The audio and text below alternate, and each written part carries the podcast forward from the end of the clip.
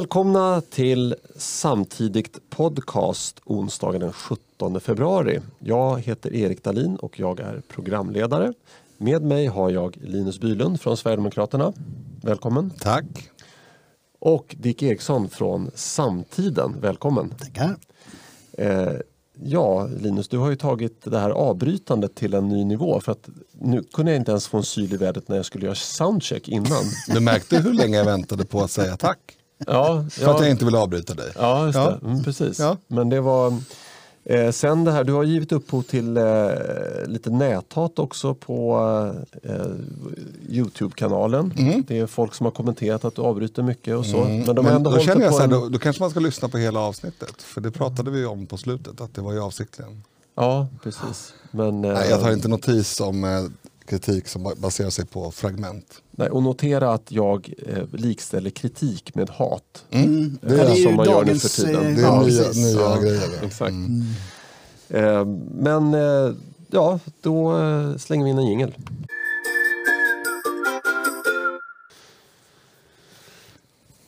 Dagens ämnen. Guldregn över skolor i förorten. Ingen vet vart pengarna tar vägen.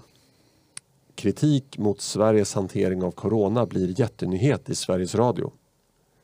Februarimätningen från Sifo ger oppositionen majoritet. IS-återvändare får gräddfil till lägenheter istället för krigsbrottsåtal. Försvarsminister Peter Hultqvist påstår att Sverigedemokraterna är högerextremister.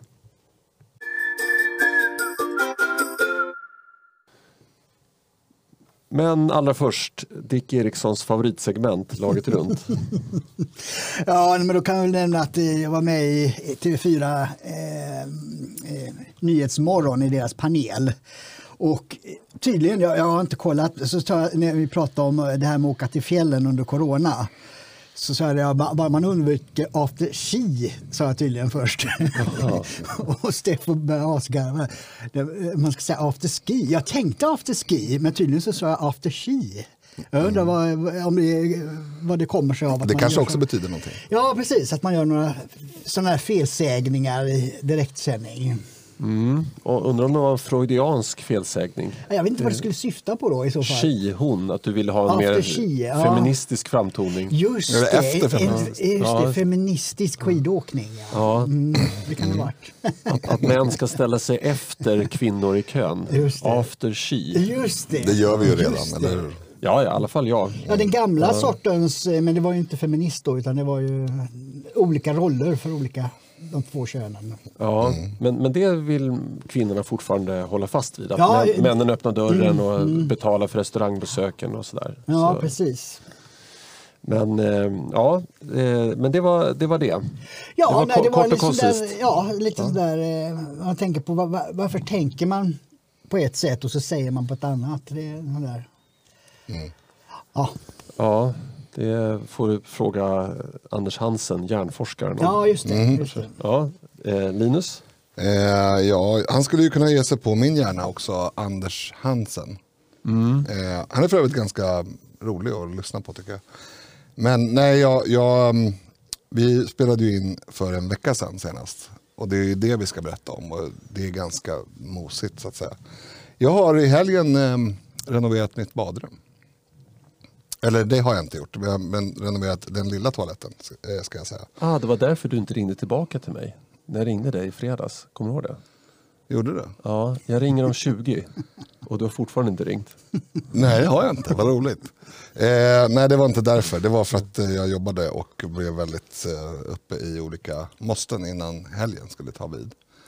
Eh, men sen glömde jag helt enkelt bort att ringa dig. Ja, ja, jag ber om ursäkt för det. Ja, men jag är van. Jag, nej, för det brukar jag inte glömma. Eh, du kan inte vara van vid att jag inte ringer upp, men du kan vara van vid att folk inte ringer upp. Det har mer med dig att göra än med mig. Jag, jag försöker framställa mig själv som kränkt nu. Ja. Och så, du får inte förstöra den bilden. Jag tror, att jag, eller så här, jag vet att det finns väldigt många lyssnare som är väldigt måna om att du och jag eh, gnabbas. Eh, Det är väldigt viktigt för vissa att vi inte får sluta med det och då tänker jag, då, då gör vi inte det. Så du får inte hålla på och ge upphov till sådana idéer. Nej, då, då ska jag tänka på det. Bra Linus. Förlåt, förlåt, men nu har jag avbrutit dig tillräckligt mycket. Nej, men jag, har Du- inte, du har jag, har, kaklat jag har gjort miljoner saker. Nej, jag har inte kaklat. Det hade ju varit en dröm att, att kunna det utan, eh, eh, vad ska vi säga, fel. Men det, det kan jag inte. Men jag har tapetserat och det var, det var på håret att jag, att jag eh, gav upp. Tapetsera är eh, vidrigt. Jag tänker aldrig mer i hela mitt liv tapetsera någonting. Det kan jag säga. Det sa jag också till min fru som kom på den här idén med att tapetsera. Eh, det blev bra, men jag hatar det. Alltså jag hatar att tapetsera. Det kan väl egentligen vara min eh, laget runt. Att jag genuint, innerligt hatar att tapetsera. Du har tapetserat i badrummet. Alltså en vägg. Ja. Eh, Duschväggen. Nej, det, det, det här är fortfarande en, en liten toalett. Så det är, alltså, det är som två telefonkiosker i storlek. Eh, max. Och det är ett helsike att hålla på. Överhuvudtaget måla är ju svårt. Och, men att tapetsera var ju... Jag har aldrig tapetserat någonsin i hela mitt liv heller. Eh, men det blev väldigt snyggt, eh, det får jag säga. Eh, men det är, ju, det är ju så att det är ju tidsödande och svordomsfrämjande. Det, det är nog många som skulle säga att du inte har fingertoppskänsla. Och, och det måste Det är man nog ha. många som skulle säga att jag har det också. Men det eh, vet jag inte om vi ska gå in på här. Nej. Nej. Ehm, ja, vad var jag tänkte på? Nej, men glöm som sagt inte heltäckningsmattan som matchar till eh, tapeten då på toaletten. Vi, vi, efter, efter eh, ett halvårs betänkande, alltså vi har renoverat varje rum hemma ska jag säga. Så att det här är det sista. Eh, så att, eh, det har ju, planeringen för hela lägenhetens renovering har ju varit väldigt, den är väldigt gammal. Och min absoluta liksom, föresats var att byta golvet inne i den toaletten som jag nu renoverade. Men det eh, gav vi upp. Eh, av rent tidsskäl och så vidare. Och det är en massa, det är en massa konstiga regler kring, u, numera är det utrymmen där det finns vatt, alltså kran. Har vissa regler, det där känner ju du till. Mm, det ska vara tätskikt på Ja, eh, Exakt. golvet. och jag tänker så här, det, är, det är ett handfat och en toalett. Och jag tänker inte hålla på att riva upp och göra tätskikt eh, enligt konstens alla regler eftersom jag aldrig har gjort det och jag känner inte att jag har lust med det. Annars är ju att lägga golv på liksom en, vad kan det vara, två, tre kvadrat, det är inte så svårt. Eh, nej, frågan om du bryter mot några byggregler där om du låter det befintliga vara kvar. Men det får vi... Ja, det utgår jag från eh, att jag inte gör eftersom jag inte lägger om golvet. Nej, men du, du, är, du är ändå inne och pillar i Jag, badrummet. jag måste ju rimligen få tapetsera utan att byta golv. Ja, det är, det är en otroligt ointressant diskussion. Vad har Ja. du gjort? Eh, jag, jag måste bara säga, eh, jag kommer att tänka på Göran Persson som åkte dit för någon sån här bygg, eh, byggherrebrott. Och han har ju, han har ju själv liksom suttit och... Mm. Ja, och, för, hans gård där. Ja, men, det, men för att inte göra det här allt för långt, alltså man pådyvlas ju enorma eh, eh, regelverk. Mm. Bara, så att, det skulle inte förvåna mig om, om du är skyldig att, att lägga om golvet när du tapetserar. Men Det finns en anledning till att det finns en väldigt stor marknad för till exempel såna attefallshus och sådär. För det, bara det är ju ett jätteproblem. Jag har inga problem med att bygga ett hus. Men att, att jag ska bygga det och det ska vara godkänt. Det är inte helt lätt. Nej, verkligen inte. Ja, men då tar jag ordet i alla fall. Jag har köpt en bättre begagnad bil. Eh, faktiskt idag när vi spelar in måndag så går betalningen iväg men jag hämtar den först på onsdag så jag hoppas att, att firman inte går i konkurs. Ja, det var inte den du kom med idag alltså? Nej, Nej. Eh, men det är samma färg, samma modell men nästan tio år yngre faktiskt. Så den är... Den, Det är bil nu, inte fru. Ja, exakt. Vi pratar om. ja. Det, ja. Ehm, precis, och i alla fall så eh, sitter jag där hos eh, försäljaren och går igenom eh, vad jag ska ha för, ja det är inte så mycket tillval, det, det, som, det som finns, det finns ju, det är en begagnad bil. Men han ville sälja på mig ett par nya vinterdäck. Och eh, då var det kampanj på dem och eh, när jag väl hade bestämt mig, men jag tar dem. Och så, då, då sa han att de var från Goodyear. Och då sa jag, men Goodyear, det, de, de ska man ju bojkotta. Eh, vad, vadå, vad menar du? Alltså han var lite så här, eh, ja, från sydligare nejder. Ja. Jag bara, jo men alltså eh, det sa ju Trump. Eh, Jaha, sa Trump det? Så fick jag själv googla. Jo men då var det ju så här att eh, ledningen på Goodyear hade förbjudit sina anställda att använda magakepsar och gå klädda i det eller maga t-shirtar. Eh, och eh, jag tänkte, ah, nu tar jag ut svängarna här men jag, jag kan ju lika gärna säga, men jag, jag, menar, jag köper ju en bil av honom. Liksom. Han, han kan ju inte gå Nej. på mig. Så jag sa, men jag, jag gillar ju Trump. Liksom. Eh, och han bara, ja men det är ju också så här. Och, eh, ja, men, Det sa han kanske i och för sig för att ställa sig in. Ja, det är möjligt. Men, men så sa han så här, men tro, tror du det var valfusk eller? jag bara, jag vet inte. Men du vet, då, då kommer han ut som liksom så här, eh, ja, ännu mer. Alltså, jag, jag måste säga att jag har ju ändå satt gränsen någonstans. Att jag, jag tror inte att Biden vann på grund av valfusk. Liksom, och så.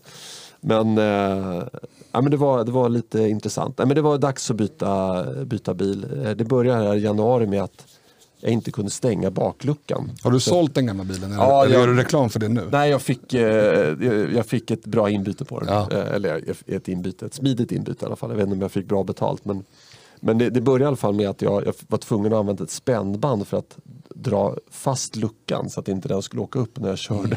Så här. Och, och sen då när det väl var, var åtgärdat, eh, då slutade, det är, det är en multivan, en sån familjebuss, då, då slutade dörrhandtaget till den här sidodörren fungera. Så barnen fick liksom åla sig från Men man ju inte öppna inifrån då? Nej, inte det heller. Nej. Så eh, då tänkte jag, äh, nu, nu får det vara nog. Så eh, då gjorde jag slag i saken helt enkelt.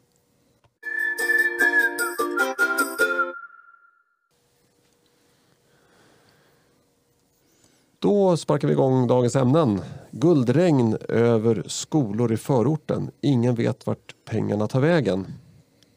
Jag reflekterade över det att ungefär dagen efter att vi spelade in fredagsavsnittet så eh, om, om då hashtaggen ett Stockholm och kampanjandet för mer mixade skolor så släppte Kvartal en rapport, en rapport över vilka skolor som fått mest pengar.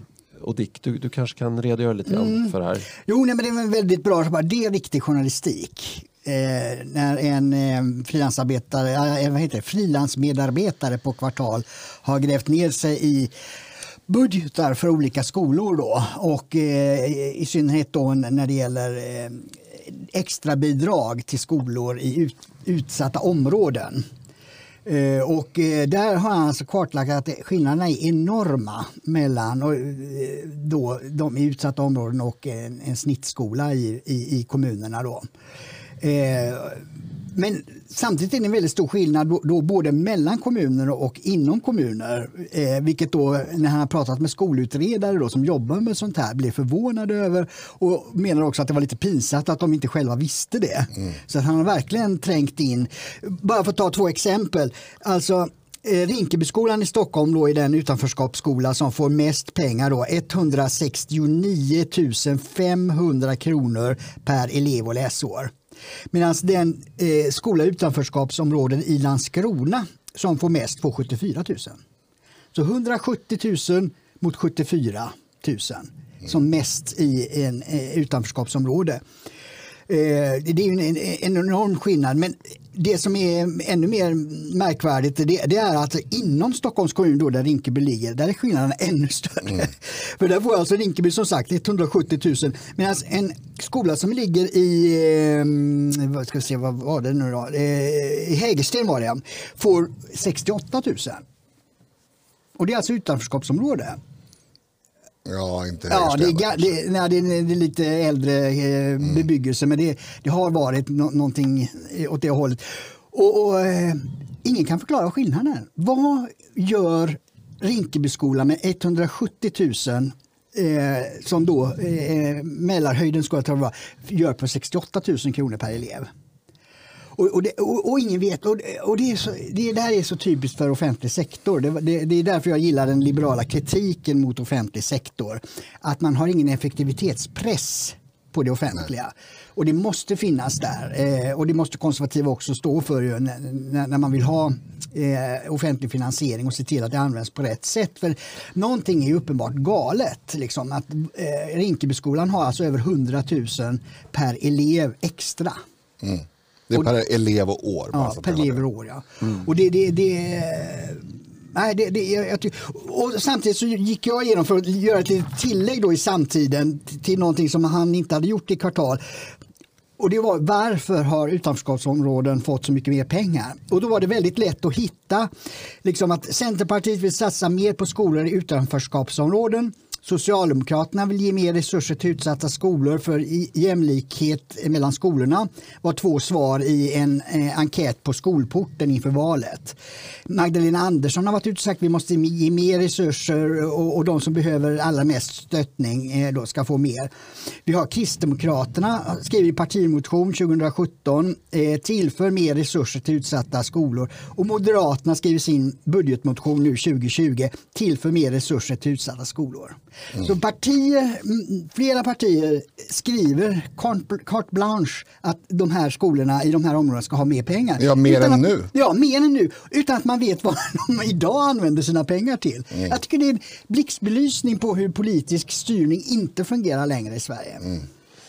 Jag, jag, jag, jag, frågar mig också vilka är som sitter och beviljar de här utbetalningarna. Och det, och det, det tog de upp innan du kommer in här Linus. Jag såg att du var på väg att säga någonting. Men, eh, det, det, det kommer in från så många olika håll. Alltså det, det, är inte så att, att det är en myndighet som betalar ut eh, pengar för att finansiera skolverksamheten utan det, det finns mängder av bidrag och mm och, och, och, och ja, pengaflöden. Mm. Så det, det, det, är ett virrvarr. Men jag tror att de skulle följa upp det här i en, i en ja. uh, nummer två. Så att då får vi lite mer eh, Precis. vetskap om var de här pengarna kommer mm. ifrån.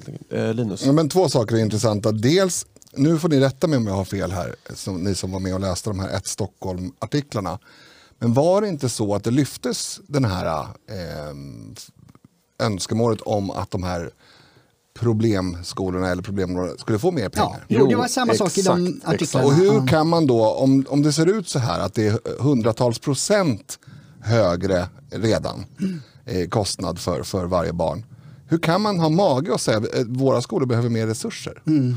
Det som händer när man gör så här utan ansvar det är ju att pengarna bara rinner iväg. Däremot så det finns en sägning inom konservativa rörelsen och även borgerligheten i stort att ja, man kan pumpa hur mycket pengar som helst men det kommer i alla fall inte hända någonting. Det tror jag inte riktigt på. Utan jag tror att en stor parameter i det här är just ansvaret. Alltså den som tar emot de här pengarna måste också visa väldigt tydligt vad har de här gått till. Och naturligtvis stå till svars för om de har gått till eh, till saker som inte de ska gå till. För självklart så, så, kan man göra mer på 170 000 per elev och år än på 70. Mm. Men, men eh, om, om man inte har någon uppföljning, inget personligt ansvar, ingen liksom Ehm, upp, uppföljning av resultatet eh, annat än att man noterar då i PISA att det går åt skogen. Precis. Då kommer det inte hända någonting. Nej, och det, det ska till, eh, tilläggas också, för först tänkte jag att det beror ju på lokalkostnaden, den är ju dyrare i Stockholm än i Landskrona. Mm. Men lokalkostnaden ligger inte med i den här jämförelsen, för det ligger centralt i kommunernas budgetar, då, fastighetsfrågor. Och inte heller rektors, eh, alltså skolledningen ligger tydligen i, i, i kommunens budget och inte på skolornas eh, egna budgetar. Så att säga. Mm. Och en nationalekonom som han intervjuade konstaterade att lärartätheten är inte särskilt mycket större i Rinkebyskolan än i andra skolor. Så det går inte till lärare heller som jag också trodde att det skulle göra. Så alla de förklaringar som jag tänkte att det eh, skulle kunna motivera den här skillnaden, de är borta. De ligger på en, på en annan bog. Va? Och då, då blir det ännu mer konstigt. Men jag, jag är inne helt på det du säger eh, Linus om, om ansvar, för jag tror att det, det handlar inte om pengar i eh, som avgör. Eh, alltså, I grunden måste det naturligtvis finnas pengar för lärarlöner och, och eh, kringpersonal eh, så, så, att det finns vuxna i skolan. Men grund, en annan grund som måste också finnas det är disciplin. Ja, det ordet saknar jag. Det, är, det finns ingen disciplin, det är väldigt stökigt i skolorna idag och lärarna har ingen eh, auktoritet. Nej. Här kommer vi in på det ordet som eh, eh jag, jag tycker vi ska återföra som ett vackert ord, auktoritet ska lärarna ha i klassrummet. Elever som inte sköter sig ska ut därifrån.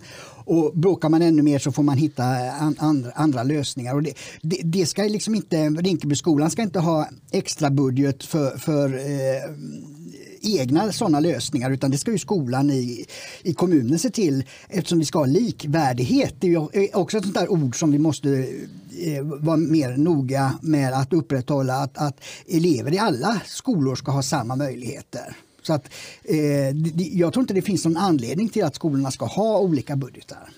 Eh, vad säger där eh, för rättvisans skull att jag tror att en del av de här pengarna är skillnad. utan att påverka lärartätheten så är kostnaden högre. Därför att du måste ju få människor att vilja, alltså människor som är utbildade till lärare, att vilja arbeta i de här eh, områdena. Så det kan ju vara en lärarkostnad som inte ger avspegling på tätheten. Ja, men jag tror att han frågade, den här nationalekonomen konstaterade att det, det, det var inte särskilt, eh, lö, löneskillnaden var heller inte Okej, okej. stora. Mm, intressant. Nej, för det, det är ju, eh, jag kan tänka mig att ska du ha en, en eh, välmeriterad lärare dit, då kanske det blir dyrare. Mm. Men, men samtidigt ska du rekrytera en lärare till, en, till ett välbärgat område. Mm. Det är inte helt lätt det heller kanske. För att, Nej, men för att om, måste ha lik, liksom... lika för lika. Du Ja, är lärare. ja. Och du ska välja om du ska jobba på Täbyskolan, otroligt välartad, vi låtsas, jag hittar bara på nu, men Mm. Täbyskolan, otroligt välartade barn, eh, känd för att det är smidigt och givande arbetsdag. Eh, eller en, en problemskola, vi kan säga Rinkebyskolan, jag vet inte ens om det finns någon som heter det, det spelar ingen roll. Eh, trots att jag är född i Rinkeby. Eh, men då skulle ju du lika för lika, med samma lön. Du bodde exakt lika långt, långt ifrån de här två ställena, du hade samma lön eh, oavsett vilket du valde. Då är det klart att du skulle välja Täby. Ja, eh, jo men precis. Men, men det är också, eh, bostäderna är ju dyrare i Täby så att det, man, man skulle kunna tänka sig att, att eh, nyexade, ny, ny, nyutexaminerade lärare bodde närmare Rinkebyskolan. Kanske inte just i Rinkeby men närmare i alla fall och, och kunde se det som en fördel att ha nära till jobbet. Vad vet jag? Nej, men det blir Ehm, precis, det blir hårklyverier och, och Ja. vi hittar mest på Ja. olika scenarion. Ja, precis. Men, men jag, jag ska ta fasta på det här med ordning i, i skolan som du var inne på, eh, Dick. För att Fredrik Kärrholm skrev en artikel i Bulletin där han gick igenom lite eh, ja, åtgärdsförslag faktiskt på hur man skulle komma till rätta med, med, med problemen i skolan. Och han var inne på det här som jag har varit inne på flera gånger att, att man måste engagera föräldrarna. Att är, det så att, att barnet, eh, det inte räcker med att lyfta ut barnet ur klassrummet, ge den kvarsittning eh, utan att barnet fortsätter att vara besvärligt och störa för andra, då, då, man, då ska man dra, dra dit föräldrarna som får sitta med. Och funkar inte det heller, att då blir det någon form av pliktskola. Att man liksom får plocka ut eleven ur sitt sammanhang och placera den i värmländska skogarna ungefär. eh, men eh, det, är det som är så tragiskt idag därför att den svenska skolan eh, om, eleven ska få en bra utbildning så bygger det på att föräldrarna till eleverna på skolan är, vad ska jag säga, att, att man kommer från ett, ett ordnat sammanhang. Eh, för då eh, blir barnen eh, uppfostrade hemifrån och säger att du ska liksom inte kalla eh, flickor för horor och du ska, inte, du ska respektera läraren och, och det ena med tredje. Det, det, jag tror att det är väldigt, väldigt många skolor i Sverige som, som man inte behöver, där läraren inte behöver förklara det för eleverna utan det, det finns med. Och dessutom, är, om, om vi skulle märka att något, några av våra barn skulle hamna efter i skolan eh, då, då skulle vi ta tag i det själva eh, och, och, och lyfta upp barnet. Eh, och, och det här är ju, det är ju på Ja, grund av... även om de inte skulle sköta sig. Ja, även om de inte skulle sköta sig. Jag Ja. skulle, skulle vi få ett samtal från skolan att, att någon liksom stör ordningen, vi skulle ha allvarssamtal. liksom. Precis. Och det, och det, Ja. just det bevisar just det att de som drabbas hårdast av en slapp, likgiltig och ja, ja, gör inte om det där men så, du får inget straff om du gör om det. Det drabbar de barn som har sämst förutsättningar hemma. I, om man inte har, har eh, ordning i, i eh, skolan. Ja, och, och jag, jag, jag vet att jag har tagit upp det här i podden förut men min mormor och även morfar eh, var folk, folkskollärare i Skåne, i Lundtrakten. Eh, och eh, när, eh, min mormor var fortfarande lärare när, när Palme var ecklesiastikminister. Ja, just det. En riktig tungvrickare. Det är det man måste kunna uttala för att få svenskt medborgarskap. Ja, just precis. det. Olof Palme eller? vi, vi går från, det gamla var att man, man var tvungen att uttala Olof Palme och böja, knäböja för honom. Det nya är att man måste kunna uttala ecklesiastikminister. Okej, strunt samma.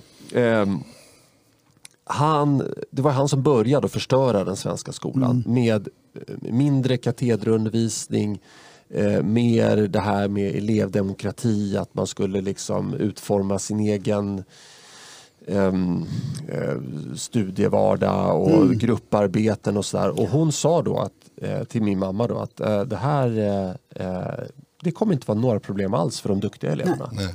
Utan det här kommer bara drabba de svaga eleverna. Och nu står vi här då, vad är det, var det på 60-talet som man, ja, nu står vi här 40-50 år senare, 50 år senare och ser resultatet. Och det är så här, det, men det är precis samma sak som eh, Sverigedemokraterna pekade på ett, på ett annat problem i samhället Ja. för eh, 30 år sedan. Ja. Eh, nu står vi här. Alltså, ka- kan, var, varför kan inte svensken lyssna på Ja. de som faktiskt kan någonting? Istället Ja, tar ja. man, väljer man sådana som kommer och säger oh vi såg det inte komma eller vi var naiva. Ja. Det är uttryck för vi är dumma i huvudet och har inte begripit någonting i 40 år. Ja, Linus, har du något att tillägga? på den här Ja, alltså den där historieskrivningen är säkert korrekt i någon mening. Men, men jag vet ju och du vet ju att eh, skolan på eh, slutet av 80-talet och hela 90-talet var mycket mer katederundervisning än det är nu. Ja, ja. Så, så att det har ju liksom, det har eskalerat. Oh ja, men Eh, men- tendensen bör... Men det tar mig in på det som jag ville, jag vill plocka upp en boll som Dick pratade om, det är ju det här med auktoritet. För att det finns ju en, en annan aspekt av auktoritetsstarka lärare, jag ska inte säga auktoritära för det, det behöver de inte vara. Exakt, det är skillnad där. Exakt, men, men det, kanske, det här kanske bara är jätteanekdotiskt på grund av min e, e- egna upplevelse. Men om jag ska räkna upp några av mina favoritlärare från framförallt grundskolan så var ju det, de var ju väldigt tydliga och stränga. Trots, och trots det, och trots att jag hatade det antagligen i stunden, så, så är det mina favoritlärare. Jag, jag, jag kommer ihåg en gång, vi hade en, en kemilärare som var till åren kommen. Han var nog ganska nära pensionsålder då. Inte jättenära, men ganska nära. Säg att han var runt 60 i alla fall. Eh, ge eller ta några år. Eh, han sa vid något tillfälle när han tyckte att jag hade, jag tror att det var i ett eh, vätgasexperiment när jag hade lyckats ställa till en, en explosion som var lite större än, än vad som var tanken så att säga. Ja, men, det, var inte, det var inte otillåtet, vi gjorde ju så. Vi gjorde ju Jo, jo, knallgas. gjorde sådär. Ja. Och jag gjorde en som kanske var något större då än, eh, hade det varit en serieteckning så hade läraren stått där med svartbränt hår. Eh, så, så pass stark var den. Men då sa han så här, eh, om, det inte vore så, om, om inte vore så högt upp så skulle morgondagens löpsedel vara ung ståtlig adjunkt kastar ut skolelev eh, genom fönstret. Och jag fattade inte riktigt vad han menade. Men han, eh, han menade då att han själv, eh, jag fattade det i efterhand när han förklarade, han menade att han själv var den här unga ståtliga adjunkten. Den som skulle att han kasta var, ut dig, Som ja. Mm. skulle kasta ut mig. Ehm, och den, den läraren kommer jag ihåg som liksom riktigt bra. Jag lärde mig, jag var liksom superbra på kemi. Eh, det sitter inte kvar så du kan inte... H2SO4, svav, svavelsyra va? Eh, ja, Ja, det tror jag. ehm, men, men poängen här är att det är inte bara en, det är inte ett straff att ha auktorita- auktoritetsstarka lärare. Eh, det är inte ett straff på något plan. Nej. Det är bara av godo. Precis, jo, nej, men det, det, jag är helt med på det. Jag, precis, jag eh, hade, vad blir det, 20 eller 25 år efter vi gick ut grundskolan så hade vi en återträff i Göteborg. Eh, eh, Och eh, mer än halva klassen dök upp, så, eh, så det var ju kul. Eh, och då var just slutsatsen det, de lärare vi kom ihåg var just de som hade haft disciplin och som man kanske hade haft, ja, tyckte inte var eh, de bästa då i stunden. Men efteråt så, så var det deras för det är ju det, om man har ordning och reda i klassen, driver på med, med, med sina ämnen, då, då finns det liksom ett grundläggande engagemang och, och det väcker elever, de som tar emot det här på ett helt annat sätt än någon som bara eh, står och, och rabblar enligt eh, läroplanen. Liksom. Det, det, det, det, finns skillnad där. Ja.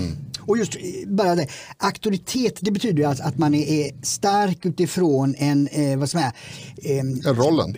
rollen positivt så att säga för att göra resultatet bra. Medan auktoritär, det kan ju vara en som är ute efter, eh, efter att vara, eller som är sadist Ja, eller precis. penalism. Som den här, jag tror det ligger mycket i den här, eh, Bergman var ju manusförfattare till en film som heter Hets Mm. som kom 1944. Och jag tror den ligger till grund för hela Sverige, Sveriges skolpolitik. För där, där var läraren eh, sadist. Mm. Och det sattes som likhetstexten med auktoritär. Och det är fel, det, det är inte auktoritär. Det, att, att vara sådär, det, det, det är ju bara destruktivt. Mm. Så att det, det där måste vi börja tolka om och tolka rätt, det här ordet. För att det är viktigt för att skolan ska kunna fungera någon gång. Ja, men alltså, det, det, det, är så självklart att det ska vara tyst på lektionerna. Alltså, på alla andra ställen i samhället så är det ju jag vet inte, tänk om man på en arbetsplats skulle sitta och kackla. Avbryta folk. Och- Ja, ja, exakt, det vore ju hemskt. Kasta sudd på varandra. Nej, men det, det, är sjukt. Men, men jag tyckte det gick en skarp skiljelinje mellan högstadiet och gymnasiet. Nu valde jag ju natur på gymnasiet som är kanske lite för mer studiemotiverade då, än, än vad SAM är. På den tiden. Ja, på den tiden. Jag vet inte hur det är nu. Men, eh, men, men där, alltså gymnasiet är ändå frivilligt. Så där, där ligger det någonstans i luften att ja, men om du inte vill gå här, då kan du göra något annat. Men, men det tror jag nog ska bli ännu, ännu tydligare. Eh, det vill säga att om man kommer upp en bit, eh, kanske till och med inte ens att nio år ska vara. Jag menar, fastän, våra föräldrar som vi talat om, de gick ju bara sju år, kanske inte dina föräldrar. Men, men, eh, och ännu mindre kanske. Eh, eh, nej, det var, det, var dina morföräldrar. Morföräldrar, ja, precis. Ja. Men, men eh, om man går en yrkes, väljer en yrkesbana då, då, då behöver man inte ens gå nio år egentligen eh, tillsammans. Eh, men för att där är det här liksom att, att man tröskar igenom massa elever som inte ens är studiemotiverade. Det borde ju egentligen Fast jag har en invändning där. Eller, och den är Jo, också om, om, du, om du stör på... ordningen, om, om en person går i åttan som stör ordningen, okej, men vad gör du här? Hem med dig, gör något annat, gör något vettigt. Men du blir av med alla studiebidrag och du får skämmas inför din mamma Fast och vi pappa. har ju skolplikt, så åttan kan man inte sticka ifrån. Nej, men jag, jag menar att man skulle ändra lagen. Nu, och, nu, Ja, och, nu, ja. och, och, nu, och nu säger jag inte det här som ett skarpt förslag, utan jag bara liksom Jag tror att alla som Ja. lyssnar vet, om man lyssnar på några avsnitt då vet man att det är väldigt sällan skarpa förslag. Ja, det är saker du kommer på i stunden. Ja, ja, kastar, det är ny Ja, ja. demokrati i Ja, sitt nöt. Ja, men man behöver inte ändra skolplikten, men att ha mera yrkesinriktade eh, utbildningar Ja. skulle man ju kunna ha. För, och, för det är ju det, må, må, många av de som inte eh, trivs i skolan är ju sådana som kanske inte är teoretiskt eh, lagda så att säga. Och då, då är det väl lika bra att de får börja med mera praktiska ämnen eh, så att de kommer vidare. För att det, det finns ju flera professorer som har sagt det att eh, de som kommer till universiteten idag kan inte skriva. Nej. Alltså kunskapsnivån sjunker dramatiskt i Sverige. Det är inte bara PISA då i grundskolan utan gymnasieskolan är också, eftersom det inte finns någon disciplin, också eh, i, faller samman. Så att eh, många av de som träder in efter gymnasiet, tre år eller fyra år, eh, in på universitetet kan inte skriva. Nej, och jag är helt säker på att min pappa kunde skriva markant bättre än en godtycklig elev efter, alltså efter sju år än vad en godtycklig elev idag kan efter nio år. Alltså jag, jag skulle sätt, kunna sätta min heder på det. Det är svårt, lite svårt att bevisa efterhand men, men, och då är det så här, ja, men varför då, då tycker jag man ska säga så från statsmakten. Okej, men nu har vi givit svenska folket nio år. Ni har bara blivit sämre. Nu backar vi ner. Nu får ni lära er samma grej fast på sju år. Fast det är ju inte, det är ju det här flummet i skolan Ja, som är problemet. Så det- massa går ju... Ja, men då kanske man Tiden skulle... går åt till massa annat, ja. Och, och en annan grej. Och migrationen. Alltså de Ja. som, de, alltså det, det, det är klart att om du tar in en väldigt stor grupp människor som absolut inte klarar sig, eh, garanterat inte klarar nian med liksom, även om de skulle få godkända betyg så har de inte samma kunskaper som någon annan som klarar nian. Då är det klart att, att det blir resultat därefter. Ja, men, och då är så här, var är statistiken på det? Var är statistiken? Ja, vi har ju PISA. Ja, men, det- men det är väl inte, ja det är väl, är, är det sorterat på utlandsfödd? Nej, men du kan titta på hur många de undantog bara. Ja, ja. Undantog Ja, och det- 11 och- och- och procent. Plus 10 procent som var frånvarande. man, man, so, man sopar problemen Ja, under mattan. ja, ja. Liksom. Men istället ska man ta upp med det. Säga, vi har jätteproblem här Jag har i en ordningsfråga. Har Mm. vi kanske tömt ut det här ämnet? Ja. det har vi gjort. Jag skulle bara säga det. Jag, jag drog upp en tweet om det här eh, gällande att man, alltså man, de skolor som presterar sämst får mest pengar. Ja. Och då skrev jag det, det är som att eh, betala för en Porsche men få en Skoda.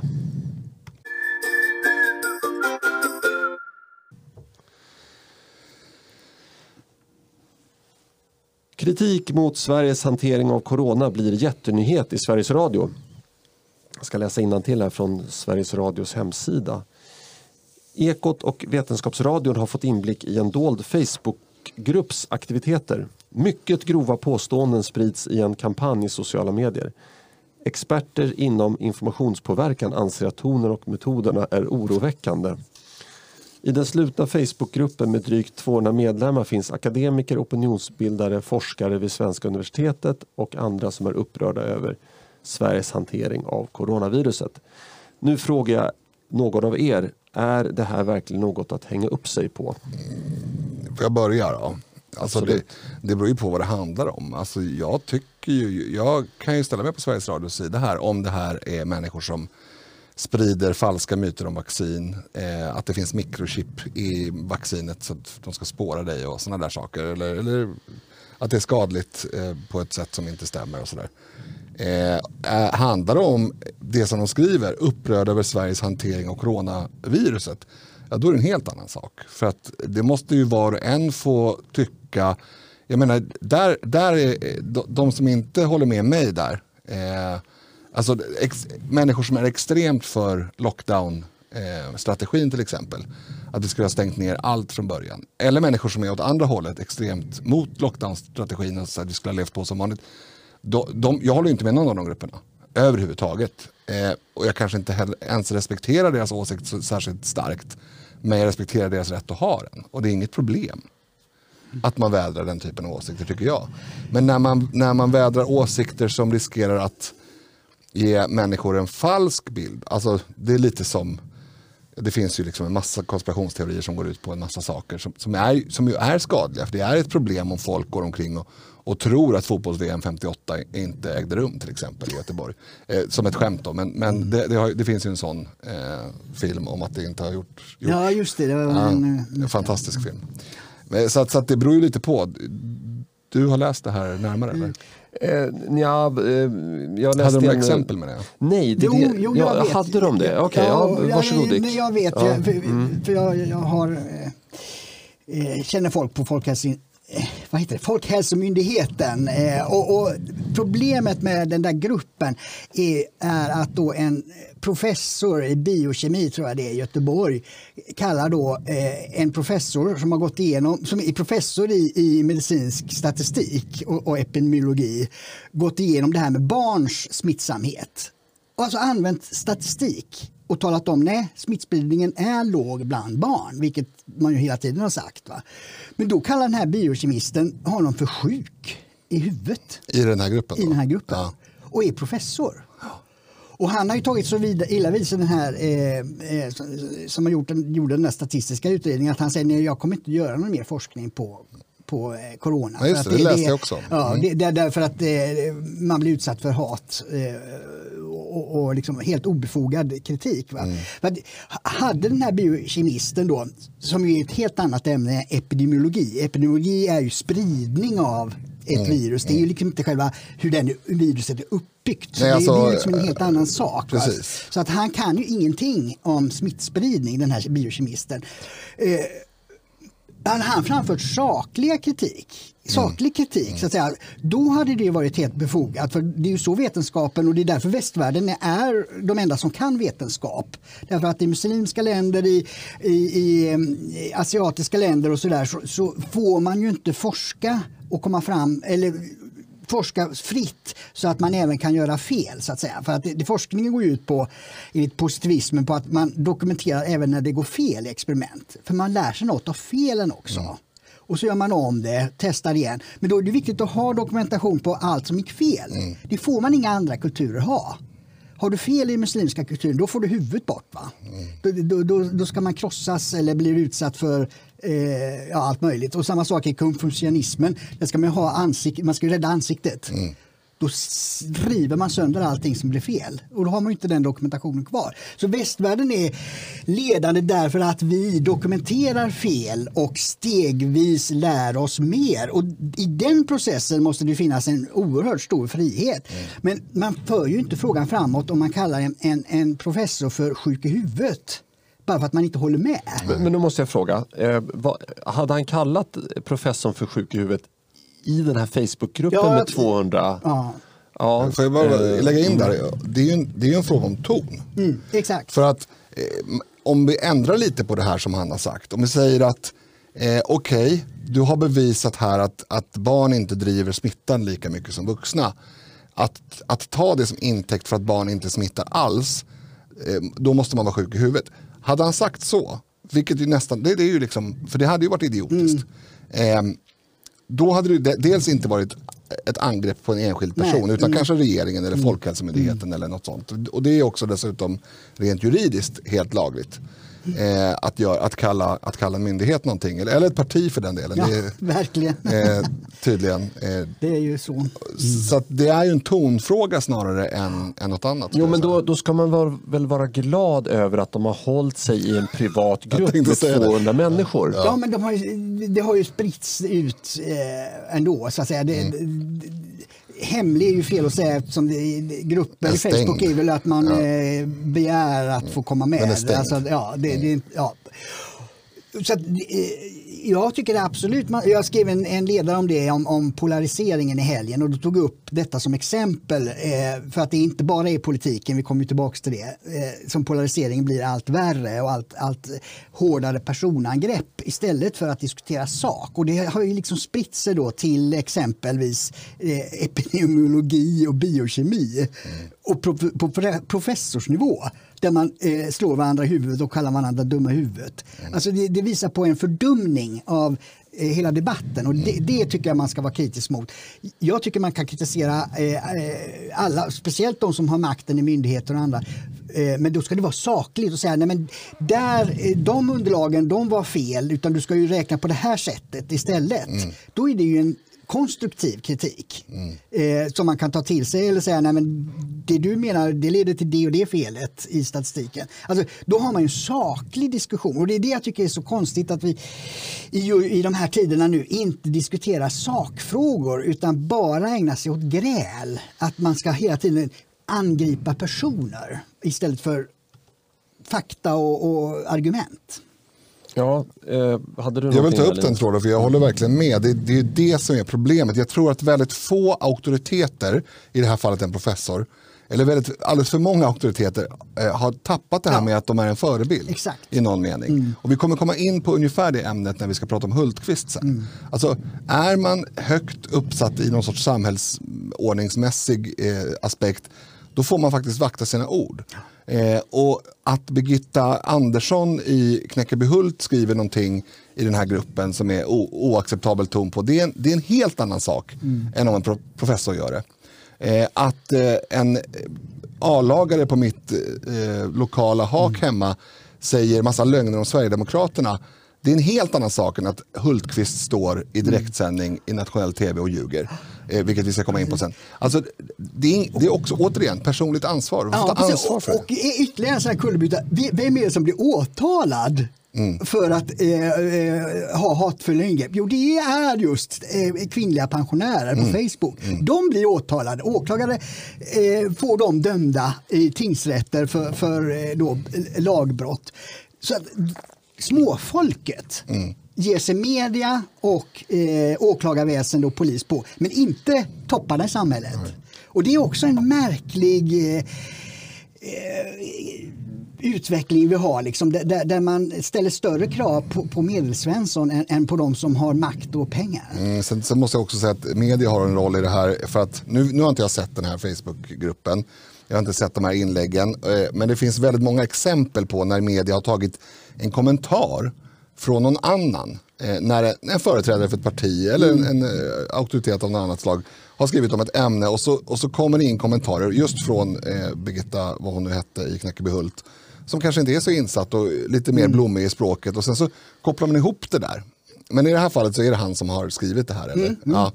Och han tyckte dessutom då att eh, alla andra på eh, Folkhälsomyndigheten också var sjuka i huvudet. Jo, ja, men det, då, vet man vilken typ det är. Ja, Alla andra är dumma i huvudet. Ja, och, alltså, jag tycker den typen av argumentation, det, det, det är ju liksom mellanstadienivå. Mm.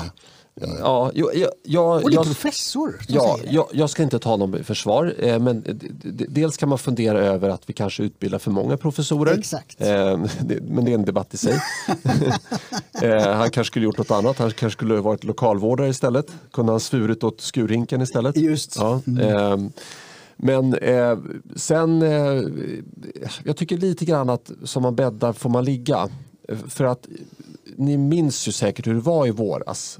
Minsta Ja, lilla ja. kritik mot Anders Tegnell liksom tystades ju ner och man var ju rättshaverist. Och Man lägger ihop det med att den hade fel gång på gång på gång på gång Ja. på gång. Det är klart att förtroendet för hela, hela den apparaten går ju i botten. Ja, och, och så, så fort man uttalade sig i så, till och med i sociala sammanhang så var man ju tvungen att säga så här. Ja, jag är ju inte eh, epidemiolog men jag tror kanske att det hade varit bra att använda munskydd. Alltså, man, men, men allt annat eh, fick man uttala sig Man behöver inte säga så här, ja, jag är inte ekonom men jag tror nog kanske en lägre momssats skulle få oss att konsumera mer. Alltså, det, det, det, skulle man ju inte säga Nej. utan då skulle man bara liksom säga vad man tycker. Men, men i det här fallet, så, i det här fallet så, så var man tvungen liksom att, att gardera sig. Och det är ju det, som, det, är det som har slått tillbaka. Alltså, Ja, men- precis. Mm. Som Aristoteles sa, människan är ett socialt djur. Alltså här blev det då, på våren, då blev det av någon anledning eh, just att eh, Tegnell var gud.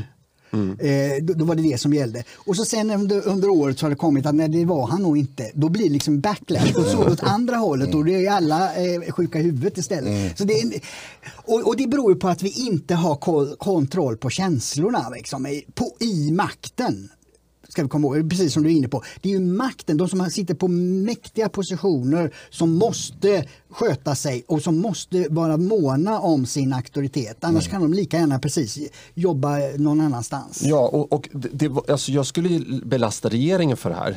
Eh, inte minst Stefan Löfven pekar med hela handen och säger att vi, i det här landet litar vi på experter. Han sa inte det ordagrant men det, det var ju budskapet. Och, och då, då sätter han tonen.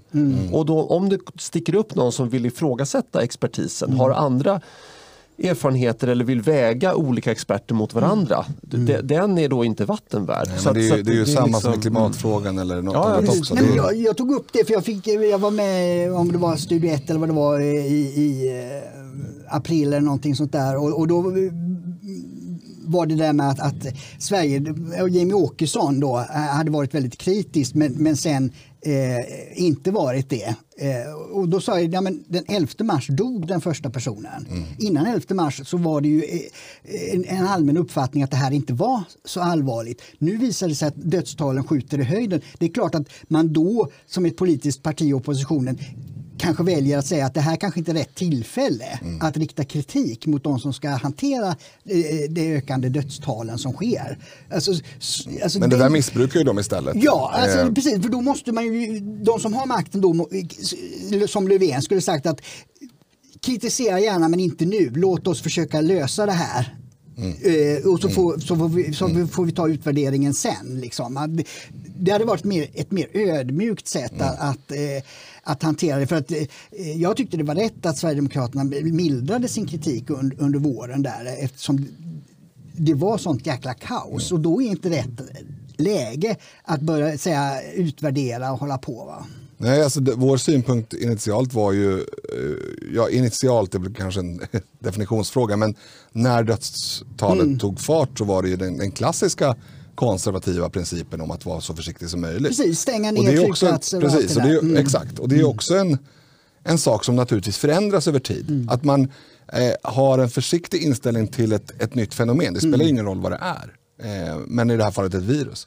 Det tycker jag är självklart. Men jag tycker också att det är självklart eh, att man ska kunna ändra den ståndpunkten. Mm. För, för jag har ju uttalat eh, eh, liksom, i privata sammanhang, det här är ingen partiutspel eller liknande, men uttalat liksom, ah, funderingar kring när vi kan återgå, och när, för det kommer inte komma ett slutdatum. Det är inte, Gud kommer inte skicka ett slutdatum, att nu är pandemin slut. Utan det, det kommer ju vara en väldigt stor gråzon och någonstans där måste någon sätta ner foten och säga nu, nu eh, blåser vi faran över.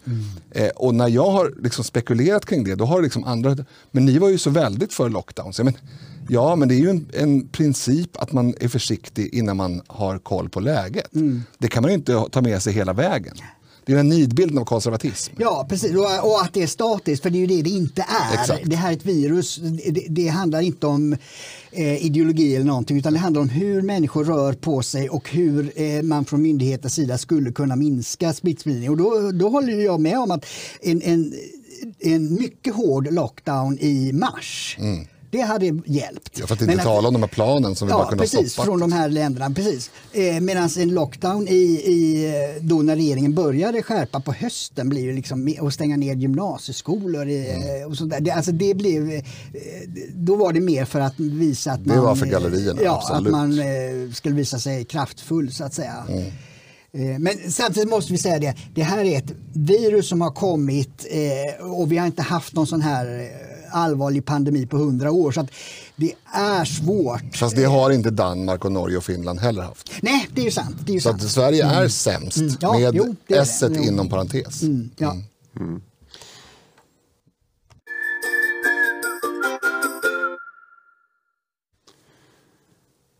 Februarimätningen från Sifo ger oppositionen majoritet. Det var ett tag sedan vi gjorde nedslag i opinionen. Dick, kan ja, du sammanfatta opinionsläget precis, enligt? Precis. Jo, mm. nej, men det, det uh, är intressant om Sifo, den äldsta uh, opinionsinstitutet, då, har aldrig uppmätt en så låg siffra för Liberalerna eller Folkpartiet som de hette förut, 2,8 procent. Så det, det, är en historisk siffra. Men sen är det också eh, väldigt intressant att, att Sifo får en majoritet för de tre oppositionspartierna. Eh, då, Moderaterna, Sverigedemokraterna och Kristdemokraterna på 176 mandat. Det krävs ju 175 för, mm. för att kunna ja, bestämma regeringen. Det är som nuvarande fast utan Folkpartiet då? Eller Liberalerna? Eh, ja, just det, på den andra sidan. Mm. Ja, just det, precis. Eh, så att det, det, där har det liksom svängt och det, och det är ju intressant. Nu beror ju det på att Liberalerna och Miljöpartiet ligger under spärren. Eh, de här tre oppositionspartierna har nu 46,6 procent. Så de behöver ju öka lite på egen hand för att eh, det inte ska spela någon roll om, om de här två eh, partierna åker ut eller inte. För de, de har ju alltid god chans att komma tillbaks i valrörelsen för då får de lika de, de här småpartierna får ju lika mycket uppmärksamhet i medierna, i debatter i alla fall, som eh, Socialdemokraterna, Sverigedemokraterna och Moderaterna. Ja, och sossarna vet nog att de behöver bjussa lite på lite röster om de har någon att bjussa med. Ja. men, men eh, det, det, en, en fråga, vi ska inte bli alltför långrandiga mm. på den här mm. punkten, men, eh, alltså KD, om, om de är, ligger väl, vad låg de på? 5, 5 ja, precis, ja. Om, om, om, om de börjar närma sig 4 strecket mm. då kommer de få stödröster mm. i valet. Och om tillräckligt många stödröster, om tillräckligt många tänker så, så kan de ha en potential på 9-10 procent. Men, men de rösterna kommer från Moderaterna. Mm. Men frågan är, vem ska stödrösta på Liberalerna. Mm. Nej, det, den är, den är det, lite det, det mm. det är ingen som gråter för det dock. Precis. Nej, men jag Nej. tänker alltid regeringsalternativ. Det gjorde jag när jag började följa politiken på slutet på 70-talet. Och, och, och, det var därför jag stödde Fälldin så hårt. Liksom, att han, han var statsministerkandidat och han hade större förtroende än Palme. Han var den som kunde efter 44 år fälla socialdemokratin. Det var han själv mm. som statsministerkandidat. Och han var för en borgerlig regering. Jag tyckte det var helt rätt strategi. Då och har alltid tyckt det, liksom att man ska ha regeringsalternativ för folket väljarna måste kunna välja vilken inriktning ska vi ha. Ska vi gå åt röda hållet eller det icke-socialistiska hållet? Det, det, är liksom en grundfråga. Sen kan vi när vi har gjort det Sen är det helt eh, eh, rimligt att man, man, har lite olika partier och, och, med olika tyngdpunkter på olika frågor. Och då kan man inom det blocket välja vilket man vill, vill stödja. Jag tycker det, då får man nästan två röster. Mm. och jag tycker det är rätt istället för det, som det var nu i det här senaste valet som jag avskyr. Där liksom eh, Jan Björklund och Annie Lööf går ut och säger att eh, vår statsministerkandidat är Ulf Kristersson. Och så röstar väljarna och då går de två och röstar nej till Kristersson sen. Alltså det, det, har absolut ingenting med demokrati att göra när man Nej. beter sig på det sättet. Men det kommer ju straffa sig, och, hoppas jag. Ja, det, för Liberalerna verkar det göra det i alla fall. Jag vet inte vad, vad Centern får sina... De ligger ju kvar på ungefär valresultatnivå. Mm. Erik eh, nämnde att vi inte ska dra det här för långt. Jag tänkte inte heller dra min kommentar särskilt långt. Jag bara konstaterar att Liberalerna är just nu eh, i ett läge där de kan agera lite ogenomtänkt. Eller genomtänkt men otraditionellt. Mm. Så att vi kan ju få se lite regeringskriser och annat komma upp här eftersom de, de behöver märka ut sig. Mm. Och jag tror att de förstår att Stefan Löfven är en väldigt stor och onödig ryggsäck för dem att ha på sig. eh, I alla fall verkar Nyamko ha börjat inse det. Och jag brukar säga så här om Liberalerna att jag tycker väldigt mycket om enskilda liberaler. Eh, för att ha det sagt. Men däremot eh, så har jag väldigt svårt för partiet. Jag har, jag har lättare för Vänsterpartiet. För de har åtminstone en ryggrad, en, en, en ideologi, någonting de tror på. Liberalerna, de, de är inte ens liberaler. Nej, och, och Vilket är ju är nästan skrattretande. Exakt, och, och, och det är just därför jag tror att om de åker ut nu så tror jag inte att de kommer tillbaka. Nej. Miljöpartiet åkte ut och kom tillbaka men de hade ju en profilfråga. Mm. De kunde köra den och mm. på den tiden var det inte så många andra som... som, ja. som ja, de bry, alltså, jag, Miljöpartiet för mig, de är ju inte ett miljöparti eftersom de alltid har varit mot kärnkraft. Men, men, men det är en helt annan mm. dialog. De hade det är ett en, imageparti kan man säga. De, man röstar på det för att man ska vara god. Ja, och Liberalerna har ju ingen image. Vad är deras mm. image? Mm. Jo, liksom? men, men, jag tror att du, det hade varit fantastiskt om du hade rätt. Men jag mm. tror att du har fel. För, för att de, de har, eh, nu, nu har inte jag någon stenkoll hur det ser ut runt om i landet, men de har säkert ganska mycket organisationer runt om i landet på lokal nivå. Där de har, eh, de har platser i, i, i kommunfullmäktige, i regionfullmäktige, de har nämndplatser, de har eh, stor partiapparat kopplad till den lokala verksamheten. Så att, att de skulle så här, dö ut för att de åker ur riksdagen, det tror jag tyvärr inte. Och det finns alltid ett behov, det finns alltid en, en eh, konsumentgrupp, om jag får ta eh, andra termer eh, än de som är gängse i de här sammanhangen, som vill köpa varan som, som gör dig till Bror Duktig. För att det är ju precis deras selling point, eh, köppunkt. Mm. Eh, säljpunkt. eh, säljpoäng Eh, att man får känna sig god och lite för mer. För så är ju eh, folkpartister. De är ju lite för mer, lite bättre. De är inte sällan läkare och annat, men de har, de har inte så jättebra koll på politik. Men det spelar ingen roll. Eh, nu raljerar jag igen. Men, men eh, de, de, den gruppen finns och den gruppen kan nog tyvärr vara över 4% Ja, den som lever får se. Mm.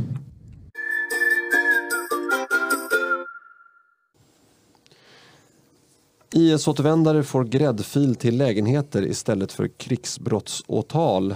Eh, skrev du om det här i eh, Samtiden? Ja, eller? precis. Ja. På mån I måndags. Eh. Mm. Eh, och, eh, men nu ska man säga att det, det, framgår inte av den information som finns just nu att, att eh, de tilldelas lägenheter. Men det, det, som framgår är att UD, svenska utrikesdepartementet, har varit i Borås och sagt att det kom 24 stycken Eh, IS-återvändare som de kallar det. IS-terrorister är väl ett mer rimligt namn på dem.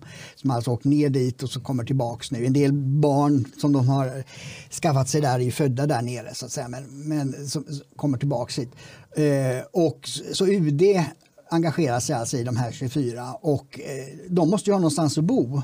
Och då tränger man ut boråsarna som bor i Borås för att de här människorna ska få eh, sin, eh, sin eh, bostad och, och, och uppehälle.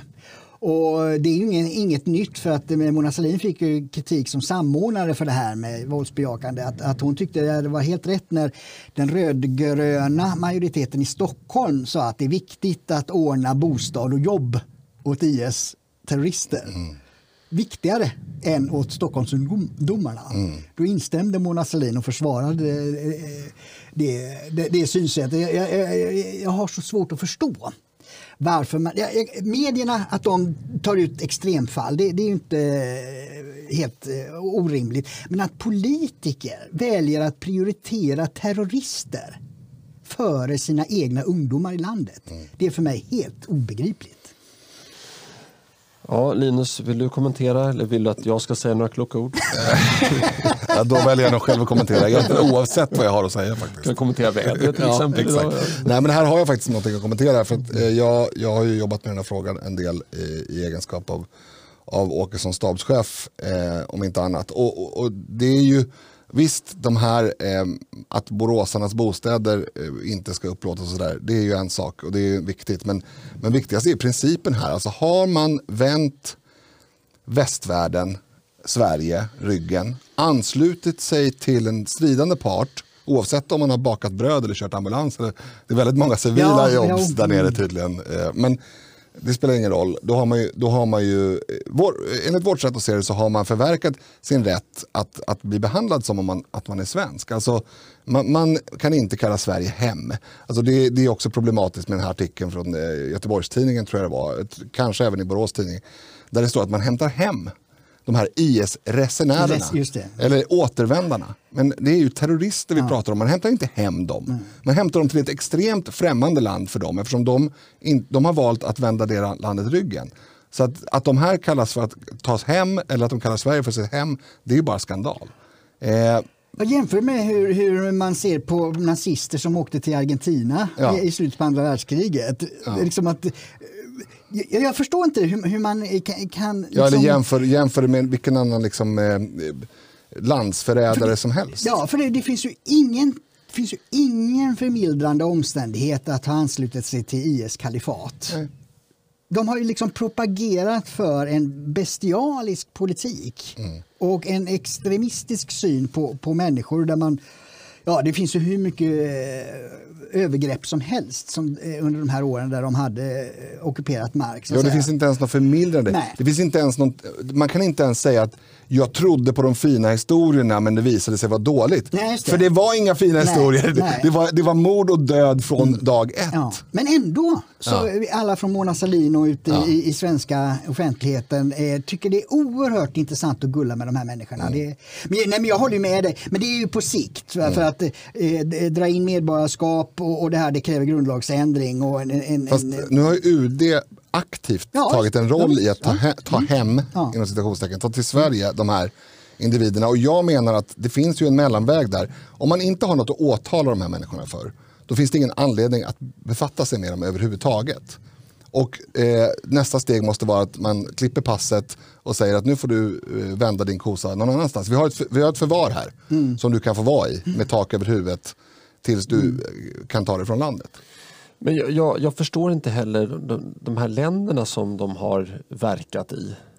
Varför släpper de iväg dem? Alltså jag, jag tänker omvänt. det, är ju, det är ju, som det heter på engelska, failed states. Ja. Alltså misslyckade stater. Somalia är ju ett sånt. Syrien är det, Presidenten där, Assad, har ju ett litet område i söder. Ja, nu har de ju tagit me- mera då med rysk hjälp. Va? Men, men det, det är ju det är liksom ingen ordning. Det finns ju ingenting som fungerar. Nej, och, och, och det finns ju exempel på där kurder har eh, gått in och gripit människor för att Mm. ställa, ställa inför rätta. Vilket är bra. Men det, det kommer ju finnas säkert tusen personer på varje profilerad krig, krigsförbrytare som man faktiskt har något på eh, att åtala. Och kurderna har ju inget eget land. Kurderna finns ju både i Turkiet, Mm. Iran, eh, Syrien och eh, Irak. Va?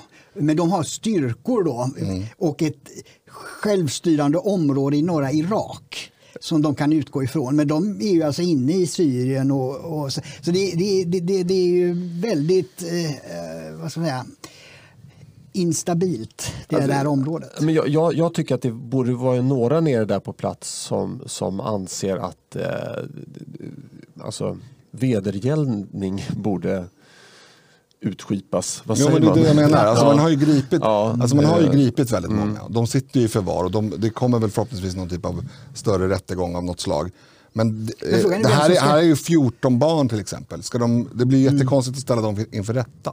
Precis. Och tu- eh, vad heter det, kurderna har ju inget eget land så att säga. Det, det, det vore ju ett steg att, att, att hjälpa dem att bli självständiga. Men det, det är ju stor Men de har politik ganska, av eh, ganska, stora långt, mått. ganska långtgående autonomi i norra Irak i alla Ja, fall. jo precis. Men, men, men alltså de, de här sitter på, eh, innan de kom till Sverige, eh, har de kommit än eller är de på väg? De, är på väg. De är på väg. Ja, Ja, många, jag ska säga, mer än 150 har kommit tillbaks sen 2017. Men de här två från Borås eller vad det Ja, var? Borås ska nu ta emot eh, 24 varav eh, om det var eh, några st- stycken var på väg inom de närmsta dagarna. Okej, och de, de kommer från ett kurdkontrollerat område eller? Det vet jag inte. De kommer nog från eh, tidigare Ja IS-kontrollerat har, område. ja, de har ju suttit i eh, de här lägren så det, det är nog kurd, kurdkontrollerat. kontrollerat. Ja, de, de, de är tillfångatagna, de är frihetsberövade men, men mer än så vill, vill inte de som har frihetsberövat dem straffas. Ja, det jag är inne på det är att Sverige kan ju bistå med eh, eh, rättegångsresurser. Ja, det, har vi varit inne på ju mycket. Ja, vi, vi hade ju helst sett en ordning där eh, världssamfundet gick samman och finansierade eh, rättegångar på plats eh, omgående för alltså, alla. Så, gjorde, så gjordes ju i Rwanda då efter Ja. det folkmordet där på 800 000 människor med machete. Mm. alltså, tänkte det gå fram genom de gatorna efteråt. Mm. Men, eh, men det man säger då är problemet är att Rwanda var ju ändå en stat. Mm. som kunde liksom eh, juridiskt hålla i saker och ting. Det finns inte där i Mellanöstern. De, de slår bara ihjäl varandra. Det finns liksom ingen ordning. Mm. Det finns ingen som man kan hålla i handen där nere och hjälpa. Och ockupera området vill ju inte Förenta Nationerna göra. Nej, det, här, det här är ju inte en lätt fråga och, jag skulle säga att eh, det- svåraste här det är ju hur man hanterar barnen. Mm, Men jag menar, jag menar inte heller att det är en Men, lätt fråga, ja, jag vill verkligen nej. poängtera Mm. det. Jag menar att det är en lätt fråga att inte aktivt Ja. hämta inom citationstecken hem folk som absolut inte har, kom, alltså de ska inte ha i Sverige att göra. Nej, Om man hämtar hem dem så är det för, för, i så fall för att utdela straff för att de har begått krigsbrott. Eller för att de har begått landsförräderibrott. Men i övrigt, så, det finns inget hem här. Nej, så länge de inte begått brott mot svenskar så kan de straffas där borta. Ja. Och så agerar ju den liberala presidenten i Frankrike, Mm. Macron. Han har ju betalt Irak för att ställa de här, deras eh, franska medborgare som har varit med i IS eh, inför rätta i Irak. Det har Macron betalat för. Det är ju ett sätt att... Mm. Ja, det hade varit smart. Ja. Eftersom de inte har begått några brott mot fransmän så att säga, i Frankrike så, så då är det väl bättre att de blir dömda. Eftersom det också då, bevisen finns ju i det området. Mm, Men jag menar dock att ha eh, själva värvandet, eller själva, ser man därmed, tagvärvning. Mm. Eh, Själva i värv, värvningstagandet är ett brott eh, i Sverige. Alltså kan vara ett brott. Ja, Eftersom- numera nu. Ja, eftersom, efter, eftersom de, efter de hade slutat åka ner dit, då, Mm, då, då man. fick Morgan Mm. Johansson tummen ur. Och, men jag tror att det finns, jag tror att det finns lagstiftning man kan använda eh, som är kopplad till att, att eh, ansluta sig till strid, stridande part mot det egna landet. Men det, det, jag är inte jurist för det. Men ja, du menar de som redan har åkt? Ja. Ja. Jo, nej, för den där lagen var ju till för att stoppa nya eller Mm. fler personer att åka ner. jag menar att det är, oavsett om det är juridiskt brott eller inte, så är det ett moraliskt brott Ja. att, att göra det. Oj. Mm.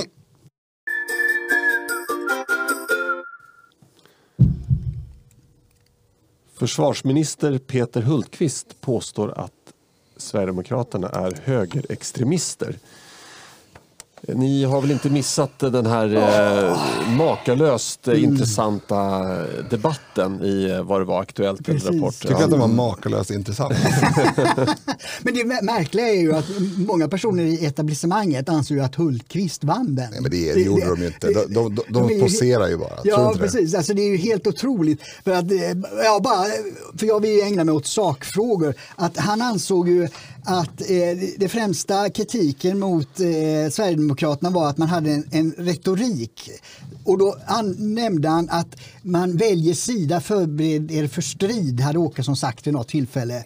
Och eh, det kan bli krig i nästa valrörelse. Det ansåg han ju då var helt oacceptabla uttalanden. Men det är väldigt lätt att hitta uttalanden av, av eh, Stefan Löfven. Ja, det, det syns inte här. eh, Ja, där är det. Ja. Eh, det, det, I TV4 rapporterar Löfven gav besked om arbetsrätten. Kan bli krig om parterna inte enas. Mm, och han sa också att han skulle kriga varenda dag i Just valrörelsen. det, precis. SVT då har de det. Löfven, jag ska kriga som om vi var på väg att förlora, sa han 2018. Så att, ja, vad, vad håller han på med? Alltså, det, de använder själv exakt de orden som han anklagar då Sverigedemokraterna för att vara eh, extrema för. Det är så eh, intellektuellt ohederligt. Eh, för att om man använder begrepp, alltså det blir också Peter och vargen över det hela. Därför att om man gör den här typen av eh, klippa och klistra eh, anklagelserna, alltså man tar bort ett, ett uttryck från sin kontext, eh, då kommer alla börja göra det. Alltså, och, och vi gör ju det nu, vi visar att Stefan Löfven har också sagt det här med att kriga. Men, och jag tycker att det är rimligt att eh, reagera på en politiker eller företrädare av något slag som eh, försöker mana till våld. Absolut. Men i kontexten så är det inte det. Alltså om jag säger att nu, eh, ta sportsammanhang. Där pratar de hela tiden om att nu ska vi kriga för de här målen. Det- Det är ju ingen som skulle komma på och tro att de vill ut med vapen. Nej. Utan, utan det är ju ett, ett talesätt i det fallet. Eh, och om Mattias Karlsson hade skrivit att Eh, snart blir det till att gå upp på barrikaderna på, utanför eh, riksdagen. Nu måste vi kriga till sista man. Ja, mm. då hade det också varit rimligt att kritisera. Men det är ju ingen som har sagt någonting sånt. Men, och det är det som jag irriterar mig absolut mest på i den här intervjun, eller förlåt, debatten det är ju att de reproducerar floskler och eh, lögner som de själva har hittat på. Mm. Det blir så jäkla ohederligt. Eh, det, det som jag blir mest arg för är det här med samer och judar. Eh, Björn Söder har informerat om att bara för att man föds i Sverige så behöver man, om man till exempel föds av två samiska föräldrar, så är det inte nödvändigtvis så att man är svensk. Det får man välja själv. Mm. Eh, vilket också är skälet till att vi har nationella minoriteter i Sverige. Mm. Vi erkänner nationella minoriteter för att det är respektfullt mot dessa att säga att ni har en egen nation. Eh, ni, ni är inom citationstecken godkända inom vår nation. Det betyder absolut inte att samer inte kan vara svenskar eller att judar inte kan vara svenskar. Mm. Tvärtom. Eh, det är de ju nästan hela tiden. Men det, det är liksom det, det, är så dumt, retoriskt dumt att påstå att Björn har sagt att samer och judar inte kan bli svenskar. Eh, eftersom det är lögn. Ja, och de, de, de, jag har varit med i diskussion om det här och det är, många förstår inte vad nation är. Nej. Utan eh, till exempel den judiska eh, gruppen så att säga, har ju då eh, eh, egna traditioner som de, som du säger, har rätt att använda i Sverige. Mm. Och samerna har ju en egen nationaldag mm. som man firar. Och då kan man ju, om, om man är same, då kan man ju fira den dagen. Men man kan naturligtvis också fira 6 mm. juni då som svensk nationaldag. Mm. Men man har rätt att ha den, här, eh, den andra nationen som sin huvud mm. Eh, och, det är, och det är också, det är inte ens politik. Nej. Men det, är liksom eh, vad gäller den judiska gruppen vet jag faktiskt inte. De flesta judar jag känner som, är, som bor i Sverige eh, kallar sig nog svenskar. Men det är liksom mm. upp till dem. Jag skulle säga att det rasistiska är att säga att judar och samer är per automatik svenskar om de föds i Sverige. Det är rasistiskt. Eller det är, det är att sätta sig på människor. Ja, men alltså, det, det nu kommer vi in på sidospår här, men, men bara för att avsluta den eh, kanske. så eh, alltså, Vi har Centerpartiet då, som faktiskt beslutade på en stämma att eh, förbjuda manlig omskärelse. Mm. För i deras värld så alla som eh, kliver över gränsen till Sverige blir svenskar mm. eh, minuten efter. Och skulle de dessutom åka tunnelbana i, mm. i Stockholm då är de så supersvenska som mm. man kan bli. Mm. Men, men, jag vill hävda då att eh, om man som jude säger att man är 100% svensk eh, att alla judar är svenskar, då säger jag att men då, då förbjuder vi manlig omskärelse.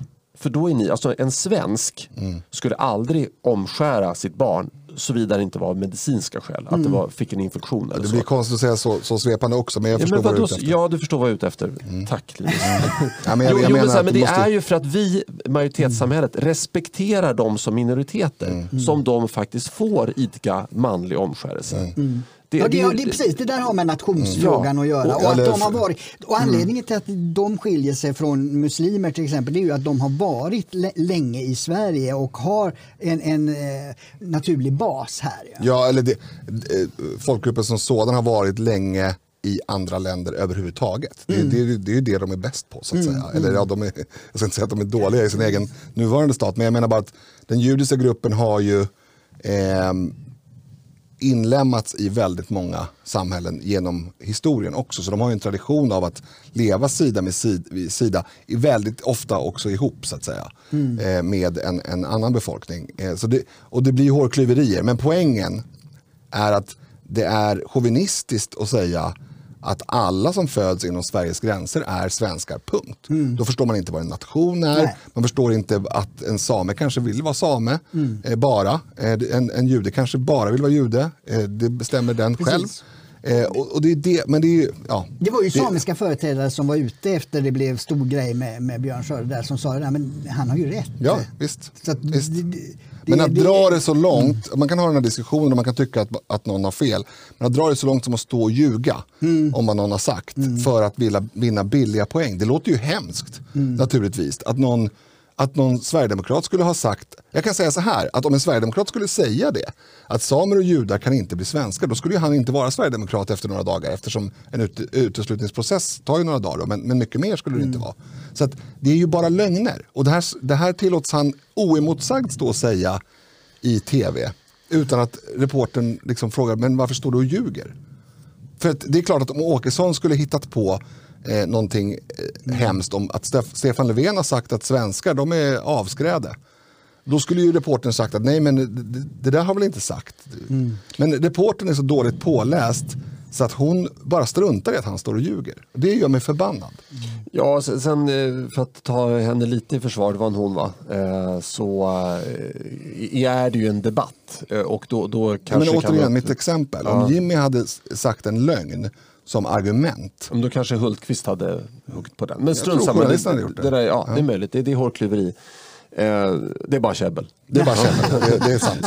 men, men eh, hur som helst, jag, han, han, eh, han, han hade ju ett manus. Hultqvist. Ja, han stod och läste innantill ja. där. Ja. Mm. Och, och, och, där har de ju verkligen eh, sparat alla dumheter som, alltså det här med att, att eh, samer och judar inte är 100% svenskar utan att de väljer Så var själva. Inte heller alltså, men, ja, men, ja, ja, precis. Ja. Men, men det, det, Stå det, det kanske inte, nej precis. Eh, men, men, men sen har, har ni plockat eh, citat lösryckt ur sitt mm. sammanhang som, mm. som företrädare för Sverigedemokraterna har sagt. Mm. Eh, och, och, det blir väldigt, det, det, är väldigt fult att, att liksom ta, dra ut två, tre ord ja eh, och rabbla upp. Och, och, man har inte tid. Det, det, är därför jag faktiskt en gång i tiden eh, för ett par år sedan ville starta en podd. Mm. För att här får man tid att prata om det här. Man får mm. tid liksom att vara vad exakt man sa.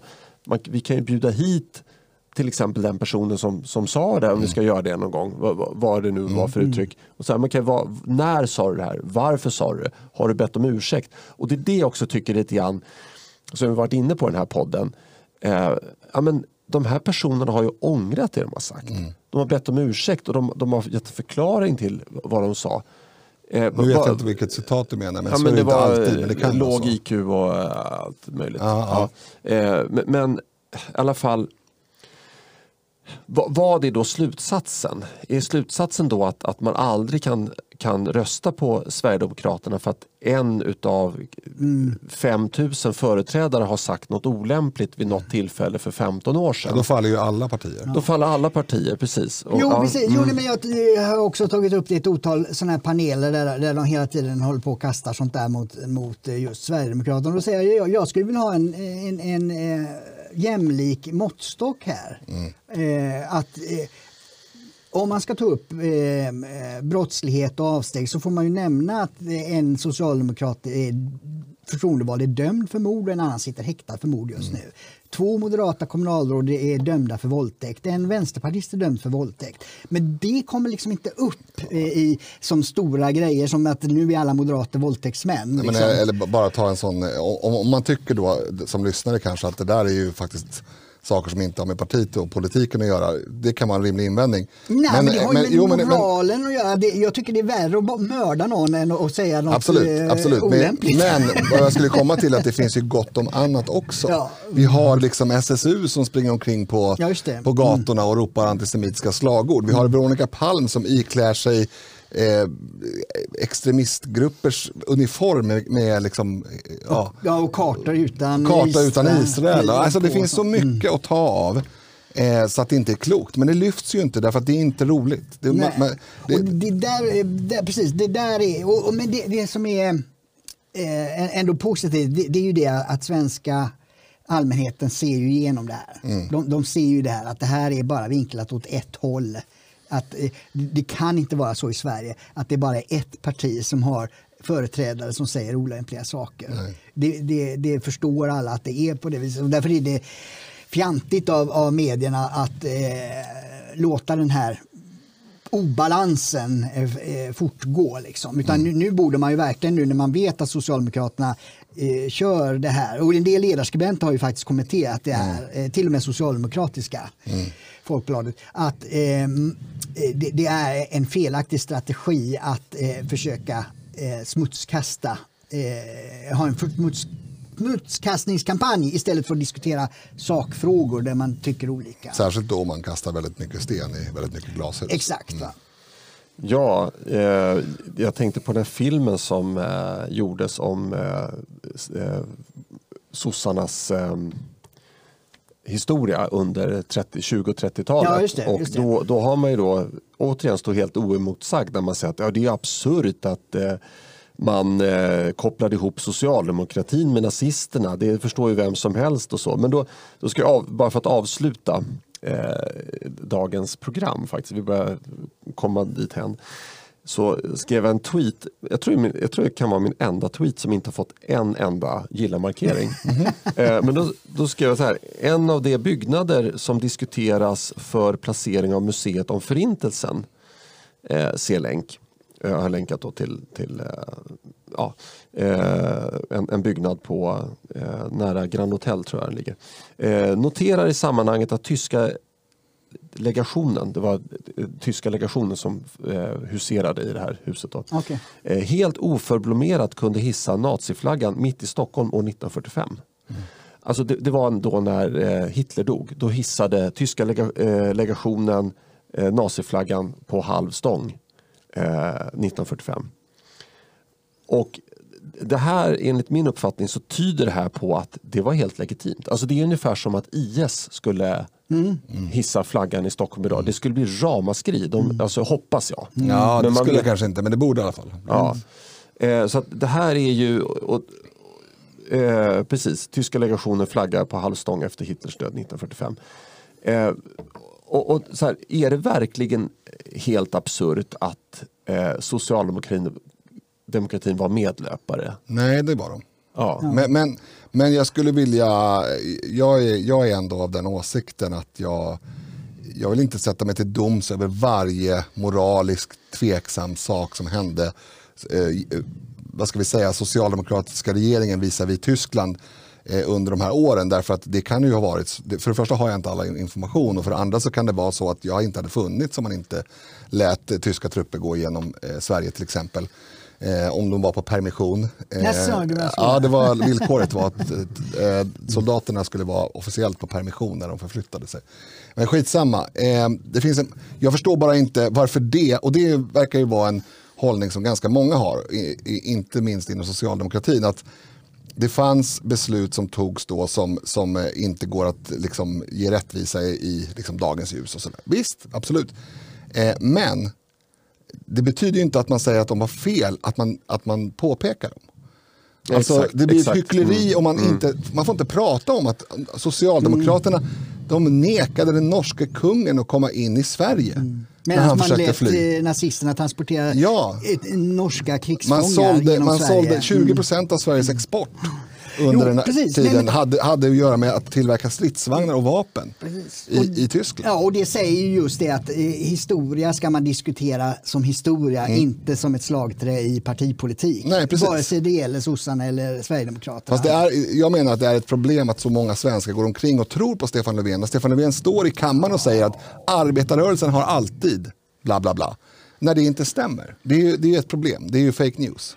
Ja, ja, det är det men jag undrar hur många det är som tror på det. Det, ja, det, det, det, det är mer en... Eh, nej, sakpolitik är bättre att diskutera i alla fall. Ja, precis. Mm. Vi kommer komma in på det här på fredag lite grann därför att vi ska diskutera en, eh, om det nu går som vi har tänkt oss, ska vi diskutera en framstående politisk analytiker och då har han tagit upp tonen i debatten. Så att vi kommer prata lite mer debattton på fredag. Mm. tror jag. Vidrör ämnet i alla fall. Ja. Och därmed, gott folk, kära lyssnare och tittare, har vi kommit till slutet av detta onsdagsprogram. Och jag ska inte dra ut på lidandet. utan jag vill börja med att tacka dig, Linus Bylund. Tacka dig. Tack Dick Eriksson. Tackar. Och tack, tack till er som har lyssnat och tittat. Vi hörs och ses på fredag. Hej då! Hej.